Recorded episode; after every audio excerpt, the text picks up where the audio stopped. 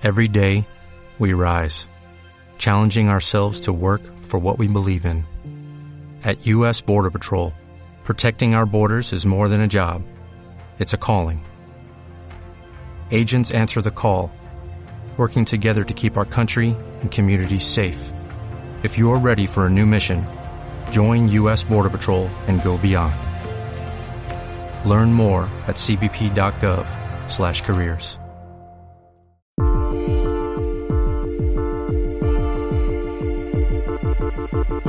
que si vull anar a veure no sé quin poblet marítim molt guapet on hi ha un museu del Titanic, perquè just en aquest punt de la línia de costa va ser l'últim port on va fer parada el llegendari transatlàntic. I accedeixo i quan estem entrant al poble adverteixo el drama. Aquell llogaret que té la pinta d'haver sigut fa un rastre d'anys colorista i pintoresc s'ha convertit en un parc temàtic on la llau de turistes desorientats sembla una concentració de nens avorrits un diumenge a la tarda. En baixar del cotxe, una olor de fregitela barata m'inunda els narius i el fort és que no ve donada perquè, o oh casualitat, haguéssim aparcat davant d'un restaurant de fish and chips. No, la fortó d'oli recremat abasta el poble sencer i no m'abandona fins quan marxem 5 hores més tard. El fet d'anar a veure ciutats i llocs i paisatges bonics cada vegada em motiva menys. De fet, ara, i mirant-ho així en perspectiva, mai m'ha seduït, però em negava a admetre-ho perquè seria com assumir que no m'agrada viatjar. Però no seria del tot cert aquesta asseveració.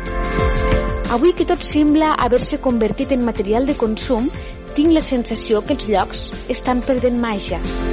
El sector turístic ha acabat creant entorns plastificats, galeries d'experiències interactives sense ànima, amb cartells i indicadors pulcrament dissenyats, no sigui cas que ens perguéssim mentre ens passegem per un caminet de 200 metres i no sapiguem tornar a casa.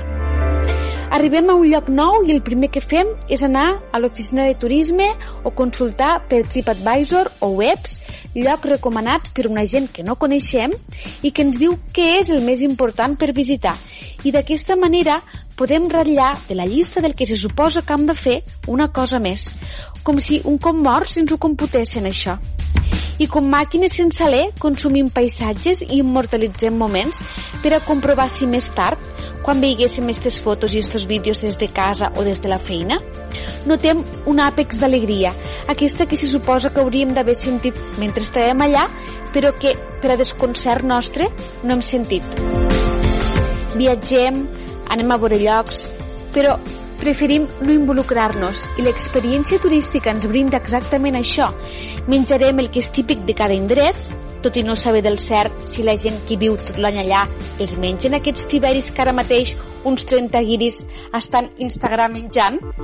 Xafarem un tros de terra on va passar alguna important en un moment concret de la història i així ens creurem una mica més prop d'uns ídols molts cops imposats i quan acabem continuarem amb les nostres vides de sempre, sense que aquella experiència ens hagi sacsejat el més mínim i direm que hem viatjat, que hem visitat no sé quants llocs d'ençà que ens ho podem permetre i ens sentirem una mica crescuts si la persona a la qual li expliquem les nostres batalletes no ha creuat el gran mar i nosaltres sí.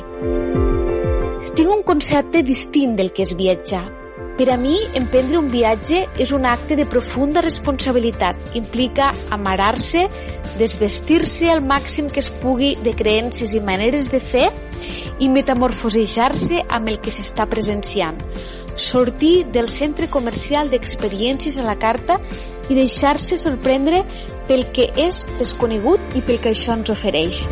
Renunciar als mapes i GPS i entendre realment el sentit del viatge, que no és altre que deixar-se ser, sense horaris per complir perquè ens tancaran no sé què, sense angoixar-se perquè si aquell és el carrer exacte no ens van dir que havien d'anar o és el paral·lel, o enganxar-se amb una discussió amb el, amb el recepcionista de l'hostal perquè hem observat una formiga enfilar-se per la pota del somier. Ser una antiga estudiant de turisme no diu massa a favor meu, però precisament per haver estat alguns anys mantenint relació amb els suposats viatgers i presenciant les seues excursions, per al meu gust, mancades de propòsit la majoria de les vegades, parlo amb coneixement de causa i perquè jo també he sigut una turista de tota cent, mil cops. I mil cops explicaré també, si cal, i a tall de mantra, que un dia, a una jaima del desert saharaui, vaig veure a una família d'unes 15 persones assegudes a terra, envoltant una tauleta preparada per fer el ritual del té, abraçant-se mentre entonaven una cançó bellíssima. I mentre m'ho mirava des d'un raconet i plorava, d'alegria aquest cop, vaig entendre a la perfecció que allò era verdaderament viatjar.